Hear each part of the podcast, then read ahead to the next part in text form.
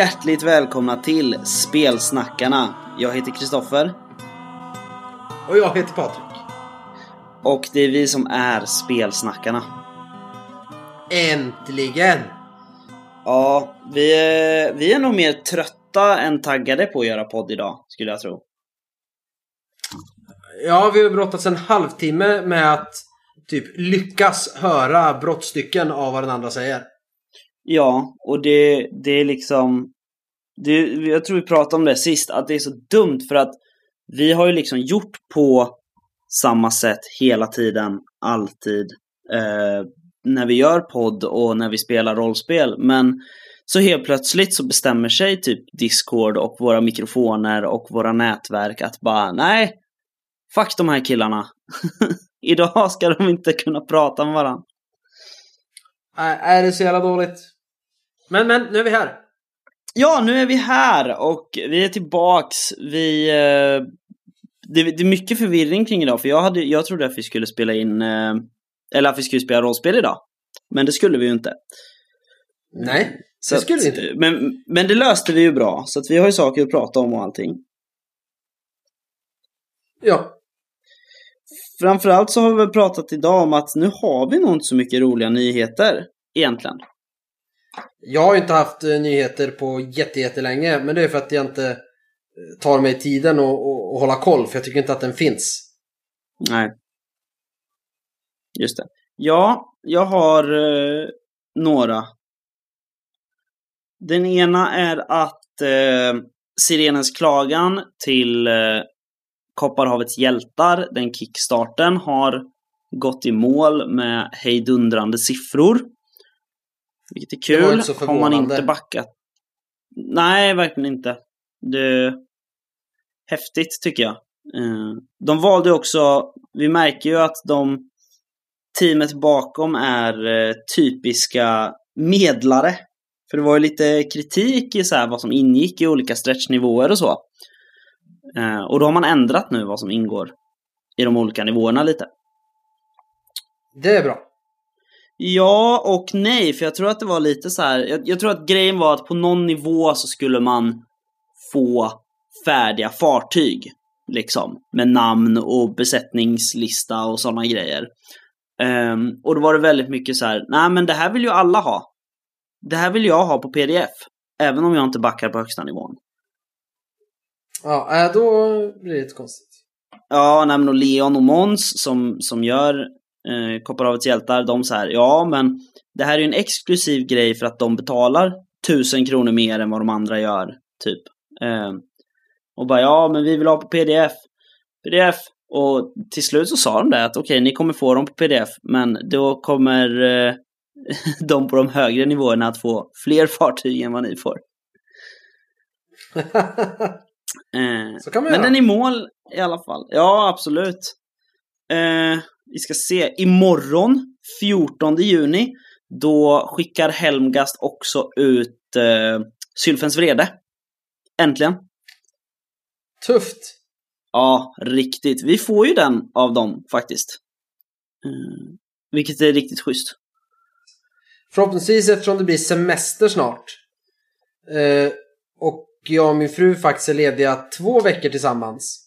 Så borde jag hinna få en dag i alla fall i sommar där jag kan sitta och bara läsa igenom alla rollspel jag inte hunnit läsa. Bland annat Sylfens vrede. Ja. Eh, nej, vi har fått se bilder ju på, eh, på böckerna och de är, ser ju riktigt, riktigt bra ut. Så det De taggar vi. ser jättebra ut. Eh, Ja, det ska bli jättekul. Uh, oh, mer. Om man förköper, uh, vad heter den då? Härjat hemland. Uh, femte delen i krönikan om Törnetronen till Symbarom. Då får man pdf-en redan nu. Också rekommenderat. Um, ehm, jag köpte den ju till slut. Jag tänkte så här, men jag låter bli, jag köper det sen. Det är lugnt. Sen köpte jag den i alla fall. Och uh, ja, den är riktigt cool. Det är ju, nu blir det en pyttespoiler, men det handlar ju om att man tar sig tillbaka över den här bergskedjan, titanerna, hem till sitt hemland. Liksom. Eh. Albaretor. Som inte alls låter som Erebaltor. Eh, Nej, precis.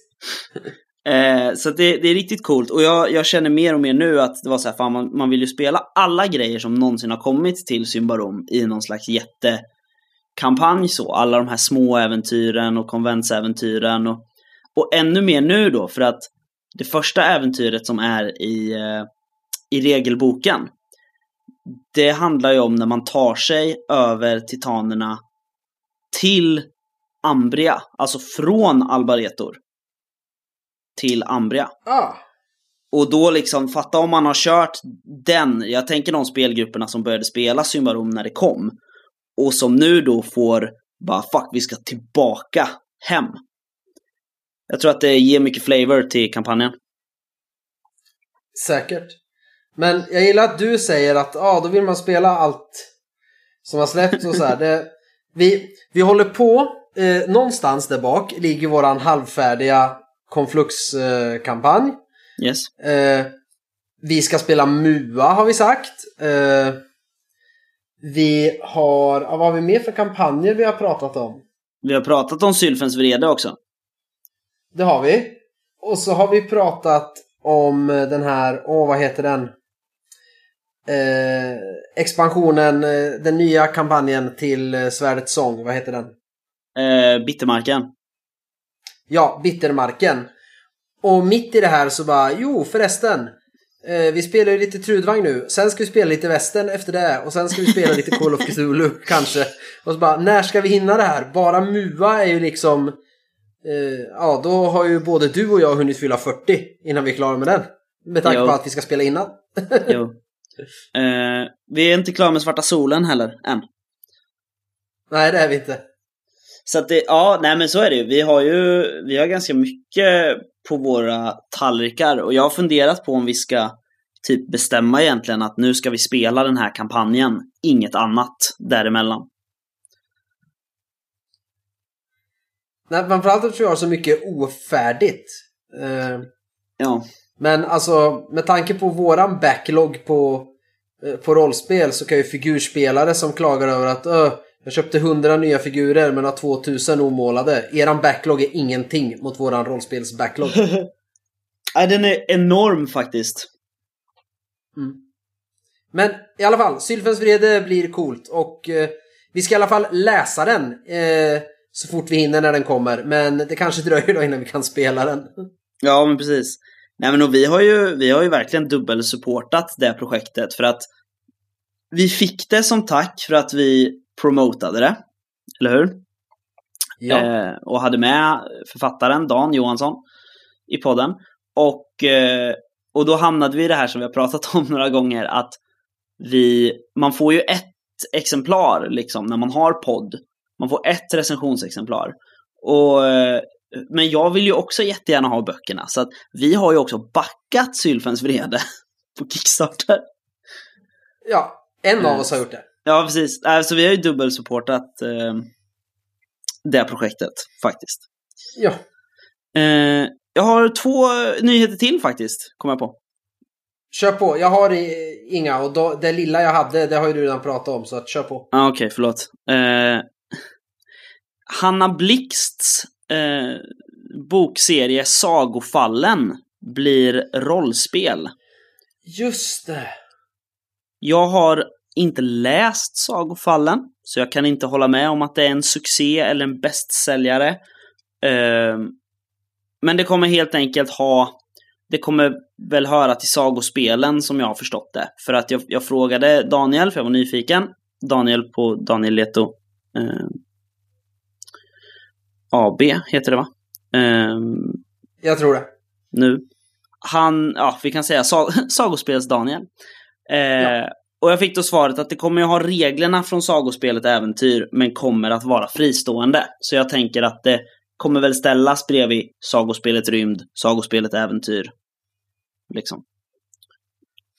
Ja, men då fick jag det förtydligat för jag såg nyheten idag eller om det var igår och var inte riktigt på det klara med om det är liksom, vad ska man säga, äventyr till sagospelet äventyr eller ett eget spel. Men nu har ju du och Daniel rätt ut det. Ja, precis. Så det kommer nog, som jag förstod det, så kommer det vara i, ehm, sagospelet Rymds anda. Liksom så. Att det är ett spel som hör till på något sätt men ändå är sitt egna. Coolt. Sen har jag bara en pyttenyhet kvar. Yes. Eh, Och det är att eh, podden Gestalt, aka Nordiska Väsen-podden, eh, ska spela MUTANT Hindenburg. Coolt. Mm. Har du lyssnat på Gestalt? Nej, jag har inte gjort det. Eh, men det behövs eh, fler mutantpoddar överlag. Mm. Faktiskt. Ja, ja, men det håller jag med om. Det- Framförallt nu när eh, vi inte har fått något eh, MUA från Röda Pesten på länge.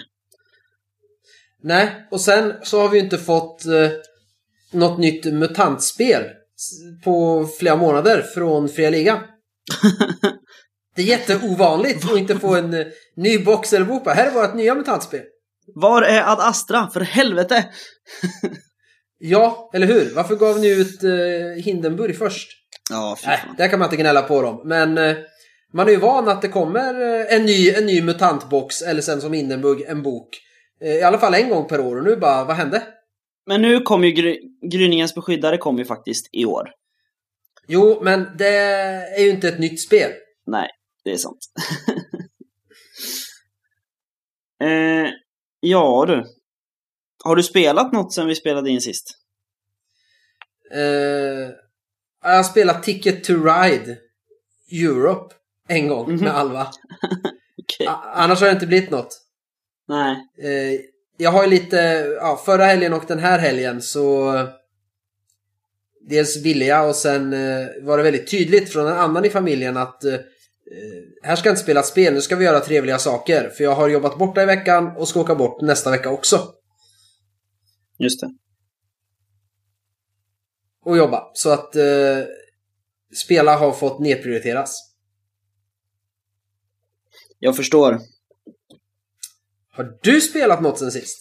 Ja, Jag har spelat lite mer än vad du har. Det är inte överdrivet mycket här heller. Men eh, jag har spelat, eh, eller spelet, DND. Min och Mattias lilla, vi spelar ju igenom den här eh, Dragon of Icespire Peak som är i eh, Essentials Kit-boxen. Och eh, har även tagit med Micke nu då. Eh, känd från Rollspelsdags i den kampanjen. Så det har vi spelat lite grann. Eh, väldigt, väldigt trevligt. En rolig kampanj, tycker jag. Eh, Sen har jag spelat Snösaga också, tror jag. Eh, ja, det har jag gjort. Eller det är alltid Snösaga du tror att du har spelat. Jo men ja, precis för det är den här liksom, ah, vilken vecka är det? Vilken vecka är varannan vecka när jag har spelat Snösaga? Jo men det har jag ju. Eh, nu kommer Snösaga-spoiler. Här. Vi eh, flydde från eh, Nordanslätt. Nej, från Halvind. Där eh, orkirerna bara välde in. Då gjorde vi en schysst eh, undanmanöver och lyckades fly mot eh, oh, ja, skog, skogjäveln där nere. Vargskogen, Drakskogen. eh, Trollskogen. Svartveden. Ja, någon skog där i alla fall. Vid Halvinds Ja, jag kommer inte ihåg vad den heter, men, men det är den där skogen. Ja. Eh, så träffade vi några rovriddare tror jag, eller någonting sånt, som hade tillfångatagit en kvinna. Eh, Som en av oss kände igen, för han hade tydligen haft en grej på gång med hennes dotter. Mm. Så att vi, eh, vi hjälpte henne och hon eh, förvandlade sig till en jättestor uggla och flög iväg med oss. En uggla? Ja, eh, Fredrik ändrade lite. Han tyckte att det fanns lite för mycket av ett visst flygande djur i den här kampanjen. Ah. Det kan man ju tycka Eh, ibland. ja. Men jag, jag var också så här, jag bara hmm. Here is some rewrite. Ja, men precis. Eh, Så jag sprang och hämtade min, eh, min engelska utgåva, för jag har inte läst hela den. Jag har ju läst svenska Snösaga Ja. liksom. Eh, och, eh, och började bläddra och bara, nej, det är, han har ändrat. Får du besök Patrik? Får jag? Jaha, det är någon som står och rycker i, i dörren och skriker Ja. på mig. Ja, precis. Härligt. Ja. Ehm, nej men så att det, det, det händer ganska mycket just nu i vår kampanj där. Så att vi är officiellt klara med akt 1 av Snösaga nu. Det tog ju bara en stund. Två år. Lite längre än vad det tog för oss. Ni körde igenom den på 12 timmar på en dag typ. Och jag bara satt där bara, jag har inte förberett mig. Ja, precis. Nej, det... Fy fan. Eh, vilken resa. Och ändå försökte jag dra ut så mycket som möjligt på det så att det inte skulle gå sådär snabbt. Men ni bara rann igenom allt som var så intressant. Bara, äh, fuck that, vi går hitåt. Nu går vi. Ja. ja. Eh, nej, men så vi, vi är färdiga nu med de typ två tredjedelar av kampanjen som utgör första delen. Mm. Eh, ja. Just det, det glömde jag säga. Kul. Jag har fått hem nu mina, min, mina Svarta Solen-böcker. Vi har ju pratat om det i flera veckor nu, men vi, vi fick ju massa Drakar och Demoner-material av vår lyssnare Rickard. Så att jag har suttit och bläddrat i dem idag lite, för att det... Ja, jag har kommit på hur mycket jag saknar Snösa... eller Vildhjärta. Jag saknar att ha det i bokhyllan och kunna ta fram det och bläddra lite. Har jag Mm. Vildhjärta är ju den största anledningen till att jag vill, inom en inte alltför snar framtid, spela klart Svarta Solen. Är som sagt Eldsjäl är jag inte så intresserad av att spela mer. Eh, Nej. däremot sista delen, Likstorm. Mm. Eh, because Vildhjärta. Alltså det, det finns häftiga grejer i Eldsjäl också, men Det passar liksom inte in i kampanjen. Det, det har inte så mycket för spelarna med kampanjen att göra. n- nej, alltså den är ju väldigt... Det är ju som en, en väldigt fristående del i en antologiserie. Liksom. Ja, för själva, vad ska man säga, även om eh, det på ett liksom metaplan har någonting med kampanjen att göra så har den ju varken för spelarna eller rollpersonerna typ, de märker ju inte av att det har någonting att göra med resten. Precis. Sen finns det ju saker som klingar igen i Likstorm som kommer, som knyter Det- ihop både Vildhjärta, Snösaga och Eldsjäl. Absolut, men den är ju framför allt till de första två delarna det klingar igenom och man sitter och skrattar nostalgiskt. Jo. Eh, nu ska vi se, har jag spelat något mer? Bang! Nej, Nej? jag har baske mig inte det. Jag har nog inte spelat något mer där. eh, faktiskt. Nej. Uh, oh, jag tänkte på någonting. Som jag tänkte att jag borde säga. Men jag har glömt det, så det var nog inte så viktigt. Du tänkte säga, har du skrivit något sen sist? Ja, har du skrivit något sen sist Patrik? Det har jag! Jag har skrivit ett sms till den självutnämnda redaktören för Mörka Regimen och sagt jag hittar inga fler fel. Vad är nästa steg? Ja. eh, Och så jag fick ska jag inget svar. Nej, jag har inte haft tid. Eh, jag läste rollspel. Eh, vi ska ju skicka vidare det till förläggare. Eh, förstås. Att eh, vi är nöjda, det är de här sakerna som vi måste rätta till. Annars, ta oss framåt. Ja, men det som är positivt är ju att e- egentligen har vi inte hittat några alltså missar utan det är ju mer ett genomgående eh, for- formateringsfel. Ja, Och det, det är ju dåligt på ett sätt att det finns på tusen ställen. Men det är ju inga fel i texten i övrigt. nej, Liksom. precis. Eh, så det ska ju bli spännande att gå vidare med det. Mhm. Eh, Sen eh, när jag satt eh, tio minuter i förmiddags och funderade på vad jag skulle skriva eller prata om idag Mm. i podden så fick jag inspira- inspiration när jag läste så jag började skriva på ett Call of Cthulhu-äventyr. Jaha. Härligt. Vad blir det för något då? Skräck på Inlandsbanan. Ja, just det! Ja, den har vi pratat om. Ja. Eh, Det är inte alls en rip-off på en annan cool Kausium-kampanj till Call of Cthulhu. Nej, men, det är ingen som kommer tro heller. Men det är inte det här, för att det det är egentligen namnet och idén. Liksom. Ja. Men jag har faktiskt inte ens tänkt läsa Orient Express, utan nej. What if man, utredarna reser genom hela Sverige på Inlandsbanan and shit goes down? Mm. Jag känner lite SS, nej, Essex County Express där kanske till Arkham Horror The Card Game. Kanske kan li- lägga lite li- grund. Lite grann. Eh, men samtidigt vill jag få just den här för att beskriva själva inlandsbanan och sen ta en runt i Sverige. Eh, den kommer inte bli lika omfattande som sagt som vad heter det, Orient Express. Men eh, jag tänker just att det ska inte heller bara vara ett äventyr utan det är snarare så att eh, tåget liksom ska på något sätt nästan vara utredarnas bas när de åker runt och tar dem till massor av olika platser. Just det. Så Spännande. det blir coolt. Ja, jag har gjort min första mindmap. Ja. Har du skrivit något sen sist? Eh, ja. Jag... Eh, min chef tyckte att jag skulle vara kvar på jobbet fastän jag hade rapporterat betyg och skickat hem alla elever på sommarlov. Eh, hoppas han inte lyssnar. Eh, då skrev jag ett eh, äventyr till sagospelet Äventyr.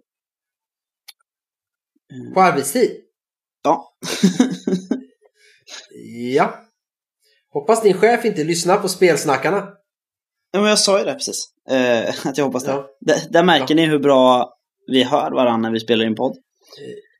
Eh, Ja. Det heter eh, Korparnas natt och eh, utspelar sig mitt under Förfaderfestivalen i Drottningborg. Ah. Så vi är fortfarande på Alea Amazona här och inte Mm. i Ariba för att jag, jag känner inte Ariba tillräckligt bra än för att börja förlägga saker där. Ehm, men det här ser ut att bli en ganska trevlig liten sak så jag funderar på att skicka den till, till Daniel och se om han vill ha den till någonting. Man vet ju aldrig. Mm. Sen har jag inte skrivit något mer. Det kan ta lite tid, eller så är det bara om man skriver bra eller dåliga grejer. Eh, för nu har jag väntat jättelänge på att eh, min case-file ska läggas upp på hemsidan. Ja, just det. Ja, casefilesen har ju gått lite i vågor. Ja, ibland kommer det jättetätt och jättemånga. Och sen så är det helt eh, dött i flera månader och sen kommer det två, tre stycken. Jo, precis. Det kanske inte... Hypen kanske dog för Handbok Superhjältar-spelet. Jag vet inte. Ja, det är inte så ofta man hör folk prata om det. Förutom jag. Men det kanske är för att sagospelet Rymd och eh, nya sagospelet Äventyr kom. Kanske det. Jag vet faktiskt inte. Vi får, vi får kolla upp det. Ja. Eh, nu då ska vi köra igång endast 25 minuter in i avsnittet. Med vad det är vi ska prata om. Jag har ju nästan avslöjat det. Ja, precis. Vi har ju en bok framför oss. Jag har faktiskt ett gäng böcker, eh, men det är en vi ska fokusera på. Ja, jag har bara en. Vad är det på den boken jag har framför mig, Patrik? Det är eh, ett badhus någonstans i Stockholm. Med en Nej, i Malmö. häftig- Är det? I, Ma- i, I Malmö. Ja. Eh, det är ett badhus någonstans i Sverige. Med en bro täckt med sjöstjärnor och annat äckel. En sleten man med en ritualdolk. Och eh, han som drömmer död i djupen tornar upp sig bakom det här badhuset. Det är Call of Cthulhu Sverige, Väktarens handbok. Ja. Eh, vi kommer ju kika lite grann på den här. Vi ska inte... Jag tror inte den behöver en så ingående presentation, men, men jag tror att det vart ju en jätte Lovecraft-hype redan innan Call of Cthulhu Sverige kom. Och i Sverige så är hypen även runt Call of Cthulhu Sverige Eh, eller jag, jag menar runt Call of Cthulhu, vanliga liksom, Chaosiums. Eh, den är ju riktigt stor också på sista tiden. Så vi tänkte väl, vi passar på att kika på den här. Ja, det är en bra Mm. bok. Ja, Patrik beskrev ju så fint omslaget här och det är ju Ola Larsson som har gjort det. Och det, jag tror inte det går att bli besviken på hans omslag. Faktiskt. Nej. Det är, det är så jädra bra. Han har gjort några MUTANT-omslag. har han gjort. Um, vilka det nu är. Det är nog uh, Genlab Alpha. Ja, det är nog bara Genlab Alpha kanske. Ja, det är zonkompendierna också. Är det han har gjort. Det kan det vara. Um, och så har han gjort de engelska omslagen till Mutant Year Zero. Men jag har en fråga, Patrik. Och jag vill att du tittar på omslaget och så vill jag att du funderar på det här. Mm. Varför har han hängslena utanpå västen? Det är en jävla bra fråga. Det är en jävla bra fråga. Det är nog för att man ska se att han har hängslen och väst. Så man ska fatta det är 20-tal. Det skulle också kunna vara så här. Jag ser framför mig att han har legat och sovit någonstans. Och då har han tagit av sig hängslena. Men han har haft västen kvar på. Och så måste han upp fort och så drar han på hängslena. Så kan det vara. Eh, jag tror ju att det, den troligaste förklaringen det är ju att lite som du säger, men han är ju konstnär. Såklart. Målar i akvarell. Mm. Det ser man ju på frisyren. Att det är en akvarellmålare. eh, och han har ju då i gudomlig inspiration i sina drömmar stått och målat. Just Såklart. Och han, och han har ju målat den här scenen vi ser framför oss. Och sen, Ah. och därför för att han är helt psycho har han ju inte kunnat klä på sig som vanligt folk. Och sen så om, vaknar han till, tittar ut genom fönstret och ser att shit, det jag har målat är ju här ute. Då kan någon annan måla det här och sälja min tavla. Och därför tar han sin eh, kniv och springer ut och ska göra slut på det här. För han tror att det kommer gå med en kniv. Så det är lite så här målningsmagi, typ. Eh, Ja, med tanke på vem det är som står där så är det inte så konstigt. Liksom, det, att han har drömt och sen målat saker. Nej. Så är det nog. Eh, Så är det ju i, eh, i tv-spelet ju, Call of Cthulhu. Där, där är det ju mycket tavlor som spelar väldigt mycket roll. Sen har han ju byxorna bak och fram också ser det ut som. För att gylfen är öppen. Eller så är de bara trasiga. Men Nej, det är den väl inte. Det kan jag inte se.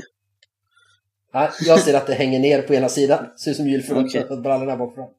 Och Okej. hängslena sitter Ja. inte fast i byxorna. Där bak. De sitter fast i kalsongerna. Jaha. Ja, ja. Det hittar man ännu mer jag, saker jag tycker i alla fall att... Ja, Jag tycker att det enda, det enda riktigt roliga det är att han har hängslena utanpå västen. Ehm, Ja, och att de sitter fast i hans kalsonger. Men... Men det, det syns inte. De kan sitta i byxorna bara att byxorna har en annan färg där uppe. Okej, bra. Då Du, jag pekar ju ut roliga saker. Du är bara kritisk.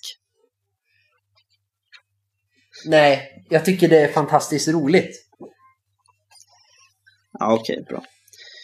Eh, men eh, Call of Cthulhu Sverige, vi har ju snackat lite om det. Eh, att det här med att Ja. det är det är fortfarande Chaosiums Call of Cthulhu 7th edition. Men det här är skrivet på svenska och settingen är konverterad. Tror jag att jag har använt som begrepp. Till svenskt 20-tal. Jag skulle säga att, ja, ja precis, konverterad. Eller hur man... Antingen så är settingen konverterad. Eller så har man skapat en ny setting med konverterat, eh, lite konverterade varelser. Ja, just det. För settingen är ju helt, helt ny. Man har ju inte bara översatt och sagt ja men allt är som i den engelska utgåvan fast i Sverige. Utan allt är ju verkligen omskrivet i settingen. Ja. Förutom Så. att det är mytosmonster då. Ja, men jag, tr- jag tror att jag gillar det. Att det är konverterat till Sverige, liksom. Ja, vi säger det. Eh, men det, och det är ju, Väktarens handbok är ju då förstås spelledarboken efter The Keepers Handbook. Eh, förstås. Eh, vi får säga det, det är ju Eloso förlag som har gjort det här också. Ja, där. Med eh, ganska många inblandade ändå. Många olika illustratörer, många skribenter. Det är en jättelista med folk som har varit med och gjort det. Det är det, och det är ganska tunga namn också, många av dem. Ja, verkligen. Det... Nu ska jag inte gå in i dem. Men det är många tunga namn, ja det är det. det är ett bra team som har gjort det. Det är det. Absolut. Vilket resulterar förstås i en snygg bok, framförallt. Att den är snygg är ju mycket för att det är Dan Allstrand som uh, har layoutat den. Mm, jo men det är sant. Men då vart man lite så här när man läser det där försättsbladet. Eh, grafisk form och layout, Dan Allstrand från Stockholm Kartell. Och då Mm. tänker man Hmm. Om det hade varit en annan person från Stockholm Kartell, då hade den kunnat bli så att man blev jättemindfucked på riktigt när man läser den. Ja, just det. Fan, de skulle ha tagit in Johan Nor och bara göra sinneshälsa-kapitlet. Ja, men precis. och allt om mytosmonstren skulle varit helt mörkborgat. Ja, Så hade man wow, verkligen bara shit. det hade varit ascoolt. De får göra det inför andra utgåvan av Call of Cthulhu Sverige. Ja, då kommer det bli asbra. Så här, sinneshälsa-kapitlet, det är bara så här in och utvända bilder typ. Och det är konstiga vinklar och det är allt möjligt. Shit. Ja, så att han skulle få göra alla eh, handouts som är så bilder. Tänk dig i eh, den gula filmen. Om det varit en bild på Carcosa som han har layoutat den. Liksom, det här ser ni framför er. Ja, just det. Ja, det vore ju rätt coolt. Det hade blivit grymt. Tips från coachen. Ja, men precis. Eh, ja, men det är ju en, det är en gedigen bok. Det är det ju. Vi tänker inte gå igenom den i detalj, utan vi tänker bara glo lite på den. Nej, men det är knappt Eh. 400 sidor. Ja, det stämmer. Men samtidigt så är den ju väldigt välfylld. Det är det. Det är mycket Men- regler. Ja, det är det verkligen. Eh, lite för mycket. Jag har inte läst regelkapitlen. Jag har ju hoppat över de flesta av dem. För jag tycker inte det är så roligt. Eh. Men det finns ju ett väldigt bra introduktionskapitel. Tycker jag. Eh, H.P. Lovecraft och Cthulhu-myten. Mm. Tycker jag är väldigt... De, de liksom går igenom lite att du, du kommer inte ha så mycket kul i, i det här spelet om du inte har koll på vem Lovecraft var och vad som var grejen. Liksom. Nej. Och det kan jag väl hålla med om. Mm. Nu, nu, nu kommer jag att tänka på en sak så här. När vi precis har börjat. Mhm. Ska vi prata om den här boken som en jämförelse med dess engelska förlaga? Eller ska vi bara prata om den som att det här är ett spel? Vi ska bara prata om den, tycker jag. Eh, Ja, för annars så blir det, det blir två lite olika approacher. Ja, det är ett helt nytt spel. Säger vi. ja, det, jo men det, alltså det är det absolut. För att annars hade man inte behövt göra det. Nej, precis. Ja, men jag, jag gillar också det här kapitlet. Det är bra. Och sen, sen är det en sak jag framför allt gillar med det här spelet jämfört med vissa andra spel, eller många andra spel som har en spelledarbok och en spelarbok. Mhm. Och det är ju att spelgruppen klarar sig ju med ett exemplar av Väktarens handbok. För att Ja. det finns ju ett rollpersonskapitel här, är ju kapitel 3, att skapa en utredare. Och färdighetskapitel och allting. Däremot så skiljer de sig ju från varandra. Det gör de. De skiljer sig och det är därför det är värt att ha utredarens handbok också. Där man går in Mm. mer i, i detalj eh, och sådär. Men det går ju faktiskt att bara köpa den här och få alla regler och allt du behöver. Jo, så är det ju. Jag tror att det är väl eh, yrken, va? som inte är med i, eh, i eh, väktarens handbok. Det finns exempel på yrken och så är det typ fem stycken. Medan i, i utredarens handbok så är det typ fyra sidor med yrken. Ja, men precis. Eh, så är det. Men, men det här räcker ju som sagt Ja, för att man ska absolut. kunna, kunna spela och det gillar jag. För många andra spel som är med, med flera regelböcker, en mer specifikt mot spelarna och en för spelledaren. Då kan du läsa hela regelboken, eller spelledarboken, utan att förstå hur man skapar en rollperson. Ja, Det är, precis. som i, det är som i västern är ju lite så. Där är det verkligen Mm. två helt skilda böcker och du måste fan ha båda. Ja, så är det. Eh, men ska vi säga lite snabbt då för de som inte har spelat Call of Cthulhu innan. Det här är ju Chaosiums då, då. Det finns ju lite olika takes på Lovecraft i rollspel. Men det här är ju basic role-playing. Förstås. Ja.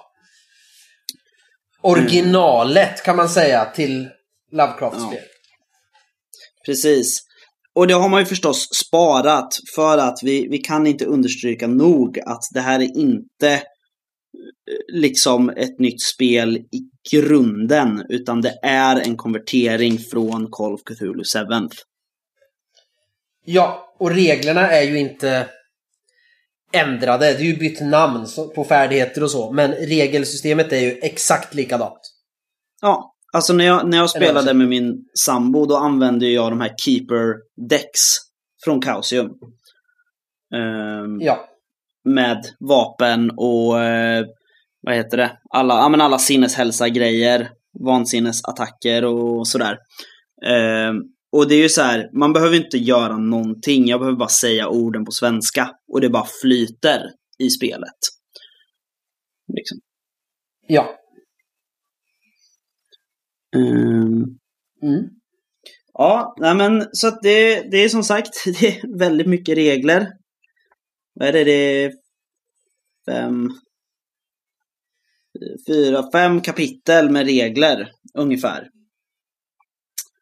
Ja. Eh, Men ja, det är bra det, regler. Det, Jo, så är det ju. Eh,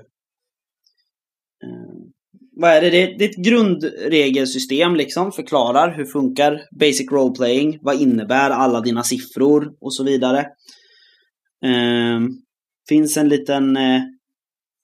I, va, I varje regelkapitel så finns det ju också en rubrik som är eh, alternativa regler. Och det är ju lite, vad ska man säga? Det är det Anders Blixt kallar för kromregler i Expert Nova. Det är lite för att klä in allting. ja. Ehm, Ja. Men jag, jag gillar verkligen reglerna i det här till, till sjunde ut, utgåvan. Man har, man har strömlinjeformat och det här är en av de bättre BRP-adaptionerna eh, som finns. Jag gillar, de är, eller det finns ju där, turpoäng finns ju. ja, Det är lite roligt. Att man har en, en färdighet som heter tur. Som man kan slå på bara shit, jag vill bränna ner det här huset. Eh, fan, fin, finns det tändstickor i det här skjulet det är? Ah, slå på tur. Ja, ah, jag lyckas. Ja, ah, du hittar tändstickor. Ja men precis. Det är Mm. skitroligt. Man kan väl också offra turpoäng va, för att slå om. Tror jag. En gång per spelmöte tror jag. Eller så. Ja, det är en alternativ eh, regel. En sån Ja, kromregel. Ja. Eh, Eh, och så har man ju bonustärningar och strafftärningar. Det är också roligt. Mm. Ja, nej men det är ett ganska, det, det, det finns ganska mycket för att det är ganska tjock bok och mycket regler men, men de är ganska lättfattliga och det mesta liksom sitter på, på pappret liksom. Det gör det. Sen, något jag framför allt, jag var jädrigt skeptisk första gången jag läste det. För att det här har ju inget med, med BRP att göra. Det här är något konstigt, eh, tyckte jag. Men, eh, vad heter det? Sen eh, har jag faktiskt börjat gilla det, framförallt när jag har provat det. Och det är ju det här att du har, vad ska man säga, flera färdighetsvärden i, i samma färdighet. Eller du delar ju upp det. Mm. Du har ju liksom din färdighet, hu- 100%. Och sen har man eh, vad är det, 50% va? Ja. Och så är det en fjärdedel. Ja. Och det är för att det ska bli lättare när någonting är svårt. Så att man räknar ut det här redan från början och skriver ner på rollformuläret i särskilda kolumner. Och då bara okej, okay, det här slaget är skitsvårt. Ah, okej, okay, då ska man slå med en fjärdedel av sitt färdighetsvärde. Eller under en fjärdedel. Mm. Och det... Det är ju precis som att hantera svårighetsgrader och säga att du får så här mycket minus. Men nu behöver man inte räkna utan det finns där från början och det gillar jag. Man gör det enklare. Ja, men precis. Det är väldigt talande rollformulär. Mm. Så. Det är det. De är redan färdiga liksom. Hela köret. Annars så sitter man och räknar som du säger. Um, mitt under spel. Ja. Sen är den ju så jävla snygg boken också. Ja, den är, den är bra layoutad. Den är bra layoutad och det, det är snygga bilder som sätter stämningen och settingen och den är ju... Det här trodde jag inte när de började göra den.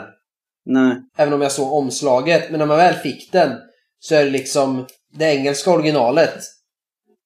Det är nästan så att det är fult i jämförelse. Eller det är inte fult men det här är så häftigt och snyggt och bara ascoolt.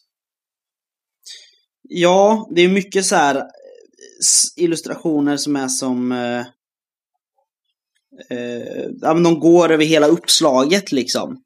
I neder eller överkant. Och det gillar jag. Eh, men ska vi hoppa lite då? Vi säger det är en massa regelsystem i mitten och sådär. Absolut. Det är magiregler som jag självklart inte har läst. Eh, sen får vi de riktigt bra kapitlerna. Vi får mythoslitteratur. Ja. Det är lite drygt eh, 20 sidor med böcker. Om ja. vad de innehåller, hur de används, varför man inte ska läsa dem. Ja, och mm. den är också en sån här som verkligen man har jobbat med till settingen. För man har ju inte bara skrivit att det finns Necronomicon och så finns den här som finns i den engelska utgåvan. Det finns ju eh, ett gäng av de eh, böckerna som finns i engelska utgåvan. Men det är jättemycket egna böcker också. Mm. Som de har skrivit. Och det tycker jag är jätte, jätteroligt. Såhär, ja. Fyrkantiga sfärers lögner. Av Hans Blichfeld, 1600-talet. Ja. Det är jätteroligt. Faktiskt. Ja, och det är så här förstås att de är förflyttade, att liksom... Det, ja, den ligger ju, fyr, Fyrkantiga sfärens eh, lögner, den är ju på högre latinläroverket i Göteborg. Ja. Liksom. För annars är det så här, ja, ah, de är på Miskatonic University. Eh, allihopa. Ja, precis. Så det gillar jag verkligen. Eh, jag, jag, jag, älskar att de har skapat en bok som heter Skogarnes väsen av Gustav Fröding från 1899. Ja. Det är asgrymt. Ja, det är, det är mycket, mycket sånt häftigt i den. Eh, det är det. Löjtnant Ripas memoarer, en bit av den fanns ju med i ett eh, Fenix-nummer va? För ett tag sedan. Just det! Eh, och det är ju verkligen det det är. Det är ett utdrag ur hans memoarer. Så. Det är ascoolt. Ja, sen ja, det här som sagt, det finns lite förbannelser och sånt. Det är ju bara kul om man har med häxor som skurkar, tycker jag. Mm. Vi, vi har ju pratat om det, jag gillar ju inte magisystem så mycket. För jag tycker att de stjäl för mycket tid och för mycket uppmärksamhet och, och mycket krångel och sådär. Så jag tycker att magi ska man helst låta bli helt och hållet. Men, eh, mm. men det finns eh, förtrollningar i alla fall. ja, i Call of... Annars, jag är inte så mycket emot... Men i Call of Cthulhu är jag faktiskt lite emot det för att jag vill inte ge spelarna massa, eller rollpersonerna magiska kunskaper och sånt där. Och att de lär sig besvärjelser. Utan då är det bättre att de läser den där boken och får veta hur man skapar ett pulver eller något som driver bort saker. Och mytosvarelserna behöver inte använda någon magi. Jag bestämmer bara att ni tittar på den och blir paralyserade och galna för den är jättekosmiskt asgrym. Ja. ja, men sen är det ju ritualer och sånt förstås. Men Ja, men det är ju en annan sak. Ja, nej men för där, det är klart man kan läsa sig till en besvärjelse eller en, en incantation så. Men jag tycker att det känns lite konstigt om de ska gå runt och kasta fireballs. Liksom. Ja.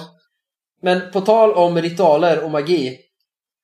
Alltså, det är också det. Många av bilderna är ju, som vi pratar om, att de är coola. De är ju nästan en kampanj i sig. Mm. För i magikapitlet till exempel så finns det ju en bild, jag för mig att den är ganska tidigt, där det är typ pojkar på en internatskola eller något som sitter på ett golv och har en ritual. Ja, just det. Och det är en av de grymmaste bilderna. Det är inte den snyggaste så, men när jag tittar på den så bara väller du in idéer. Okej, vad hände på den här pojkskolan? Typ eh, den här Gio-boken. När han är på någon så här snobbig internatskola. Ja, ondskan. Eh, Ja, utan, precis, utanför Stockholm. Så bara hmm, vad gjorde de där egentligen? Och så är den här jävla ritualbilden dyker upp. Ascool. Just det. Eh, ja, nej, jag, ty- jag tycker att eh, monsterkapitlet, eller vad man ska kalla det, monster, odjur och främmande gudar, det tycker jag är det snyggaste. Och där har de ju återanvänt ganska mycket bilder faktiskt. Ja, Tycker jag. Från andra. Ja, men det är har inte jag någon koll och- på.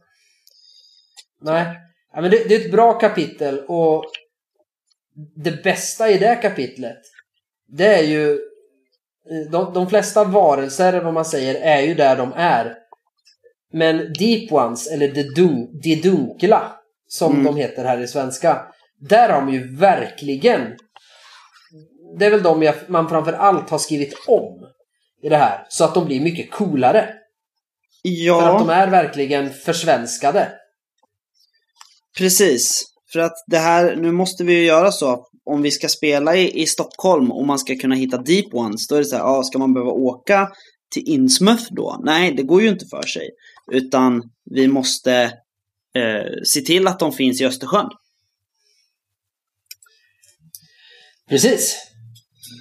Eh, Och så finns, eh, finns det ju, de finns ju på västkusten också va, men de är lite weird. Ja, jag tror jag. Nej men och de är så snö, det är ju mer liksom... Eh, de, är- de är ju inte färg eh, i färg, ju, monsterbilderna. Och det, jag tycker att det är snyggt när det bryter lite. Eh, på, på samma sätt som att superkrafterna inte är i färg i Handbok superhjältar. Liksom. Det gör någonting. Nej, det är coolt. De är ascoola. Det är Color Out of Space och Kufuga är eh, i färg dock. Och eh, del av eh. Nej, nu sa jag det nästan. Eh, han med gult. Nej, bara det gula tecknet va?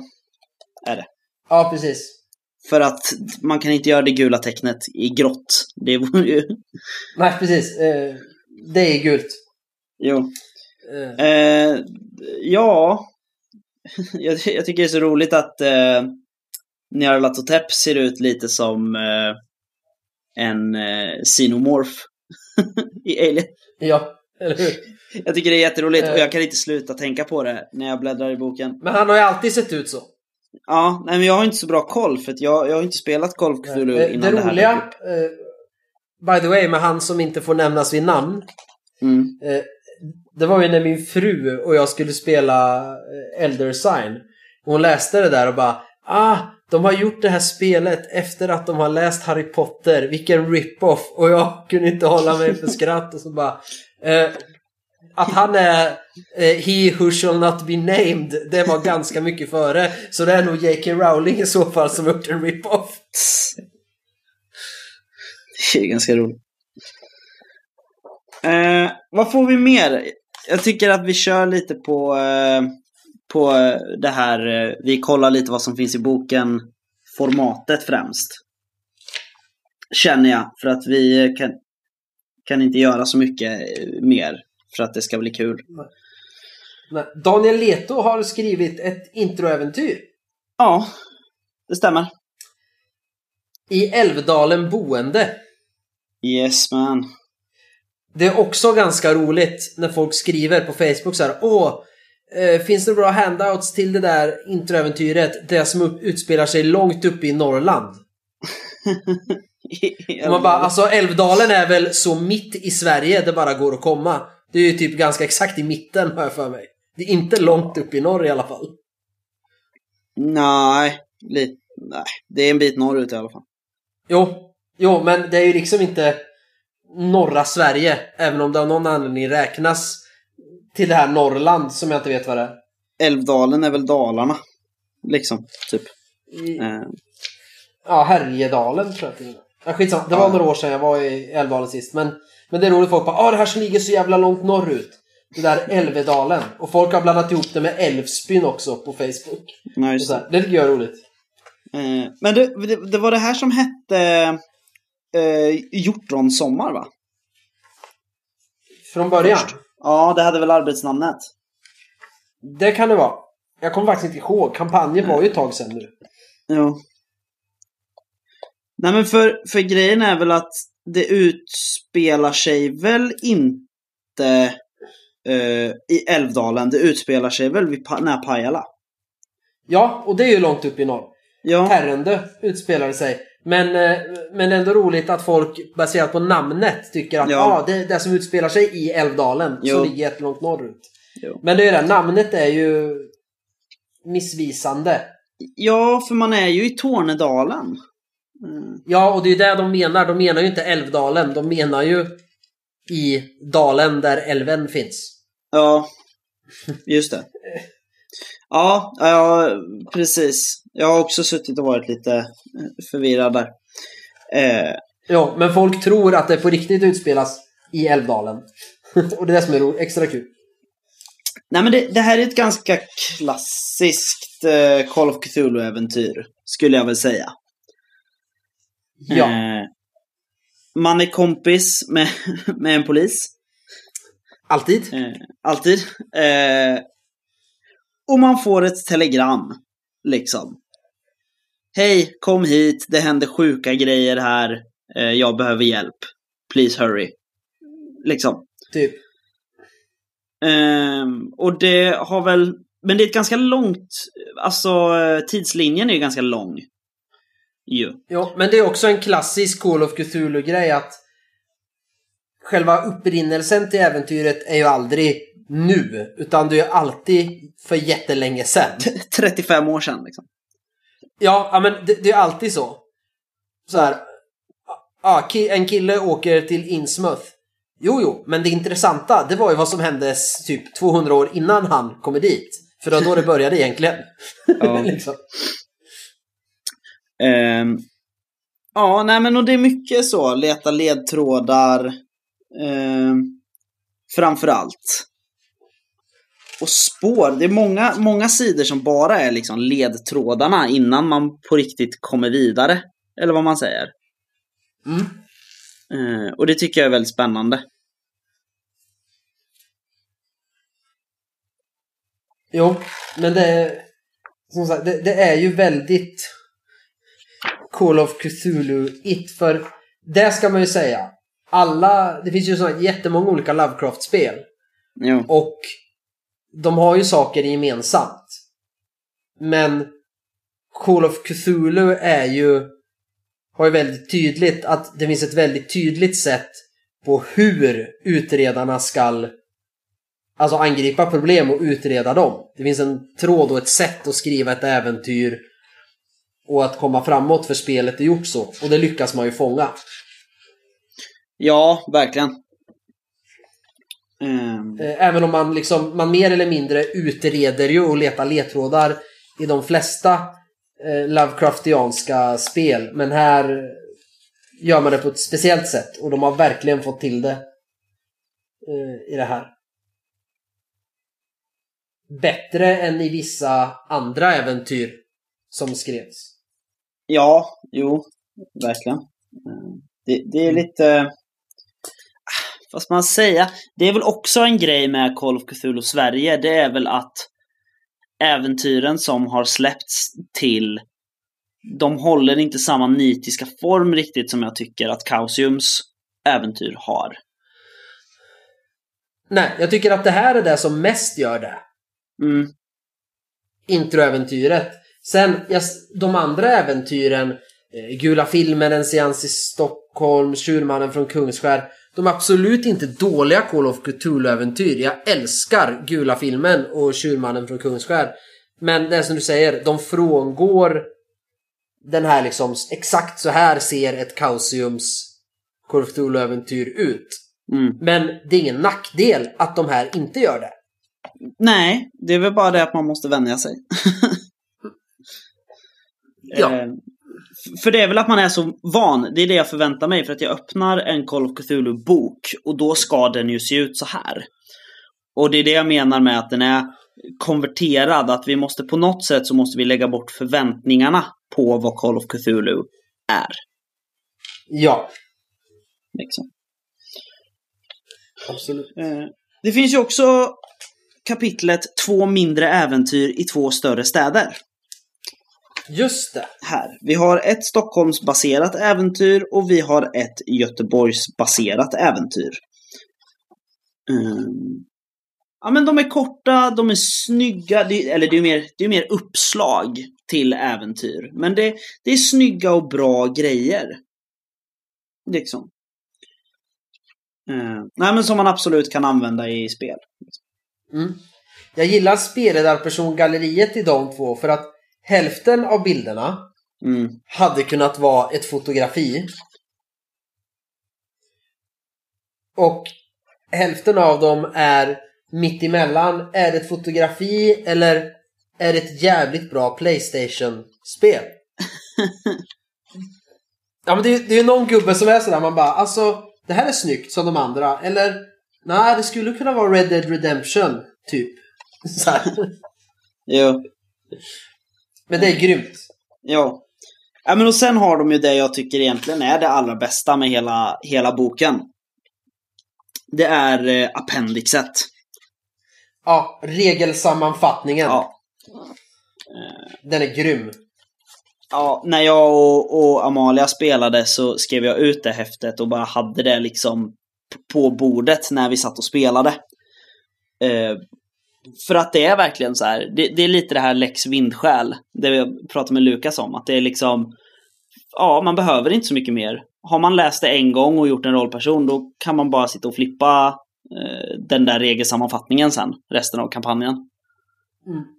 Sen är det det här, ja, och så finns det där flödesschema för strid och skador. Och det som finns i den här regelsammanfattningen, det är ju i princip samma grejer finns ju i princip i spelledarskärmen till den engelska utgåvan. För vi har inte fått den till den svenska. Eh, Nej, men precis. Det är en, det är en, en klassisk spelledarskärmsammanfattning. ja, ja, men det är ju där det är. Men den är jättebra och den finns i regelboken så spelarna kan sitta och bläddra, ha den uppe. i Mm. Väktarens handbok. Och så finns den i den engelska. Så jag, hoppa, jag hoppas verkligen att man inte gör om någonting på spelledarskärmen till Call of Cthulhu Sverige. eh, Som är utan att den blir liksom som sin engelska förlaga. Med just den där regelsammanfattningen och de här flödesschemana. Mm. Ja, det, det, framförallt ska det bli spännande att se hur eh, Eloso gör spelledarskärmar. Mm. Vi har, vi har ju Eh, fått har ju- lite till, till Handbok för superhjältar förstås. Eh, och den är ju ganska bra. Men sen har de inte gjort några va? Några fler? Eh, inte vad jag minns. Kom det någon till chock? Nej. Nej, det finns ingen. Eh, så det, det ska bli spännande att se hur, eh, hur det här teamet, för att det är ju, det är ju lite annat team. Handbok för superhjältar var ju Daniel Leto som var projektledare eller redaktör och här är det Jonas Larsson och Landers. Liksom. Ehm, Mm. så då, vi får se. Men jag, jag håller ju med dig. Jag gillar spelledarskärmen till originalet, amerikanska utgåvan. Så att jag hoppas att man får en, en liknande. Ja. Och, och framförallt hoppas vi att de inte gör som Handbok Superhjältar och skriver Call of Cthulhu Sverige och har en Eloso-logga och en streckkod på. Ja, precis. Får bara så här Wastelands flashback. Eh, Ja. Det, det är ingen artwork eller någonting, det står bara Wastelands spelledarskärm. Ja. ja. Eh, men jag har en, en eh, annan grej, för jag tänker att eh, vi ska börja avsluta snart. Vi, vi gav bara en liten sneak peek på den här boken. Ja. Eh, men, men jag kan också säga att den, hur vi ser att den hänger ihop då med sin engelska förlaga ändå. Eh, det är ju att jag har ju spelat soloäventyren av Chaosium. De eh, Call of Cthulhu soloäventyren. Och då har jag använt Call of Cthulhu Sverige-regelboken. Liksom. Eh, Mm. Helt utan problem. För vi får ju säga att de här soloäventyren, det är ju inte som ensamma vargen liksom. Ja, här, ta en bok och läs den interaktivt.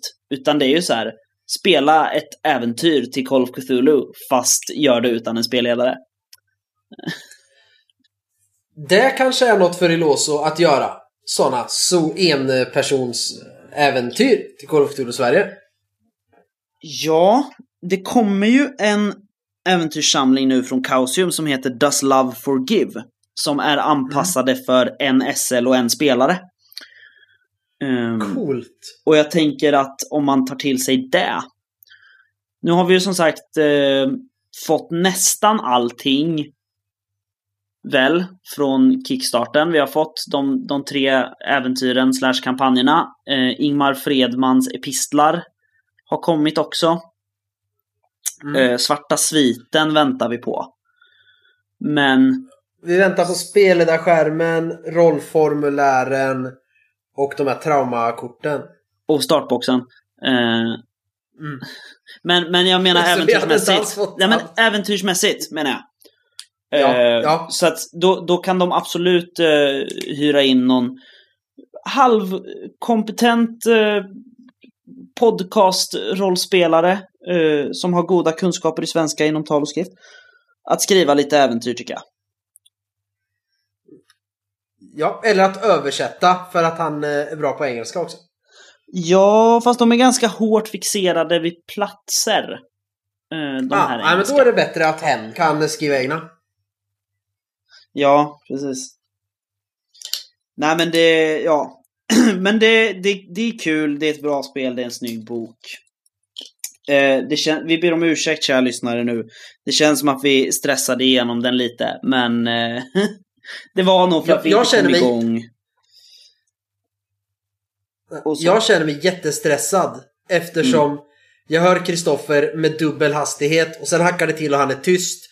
Och så får jag sitta och vänta på att förhoppningsvis Ja. höra det sista ordet och förstå vad han sa. Så att om jag pratar mycket i mun på Kristoffer, inte svarar på rätt frågor och det blir långa eller alldeles för korta pauser för att Kristoffer ska lyckas klippa det här. Eh, så är det så. Men jag är medveten om att det kan låta jättekonstigt. För jag har också blivit jättestressad Jo, av att du pratar jättefort, upplever jag det som. men jag, jag tror att det främsta är nog att vi eh, har haft problem att komma igång sista eh, de senaste avsnitten. Eh, tyvärr. Men vi vi lovar att vi, det är inte att vi är trötta på att göra podd. det är bara att det blir så ibland. Ja, det är jobbigt när man kommer igång 40 minuter för sent. För att, Ja. och, och, så hör, och så hör man inte varandra ordentligt ändå. Utan som sagt, får gissa sig fram till om den andra är klar och vad den andra sa. Mm, Ja. Men Call of Cthulhu Sverige, jag har sagt det förut tror jag i nyårsspecialen. ja. Kanske, men jag säger det igen. Om man har eh, den engelska utgåvan mm, men vill ha en svensk setting tycker jag absolut man ska köpa dem för att det är inte bara att man har tagit allt och sagt ah, men det var Sverige på 20-talet utan det är verkligen omskrivet för det med, med vad som för Sverige såg annorlunda ut än USA på, på den tiden. Eh, och det har man verkligen fått till. Och vill man eh, spela Call of Cthulhu och inte ha det och vill spela i Sverige, köp den. Vill man spela i USA, köp istället den engelska.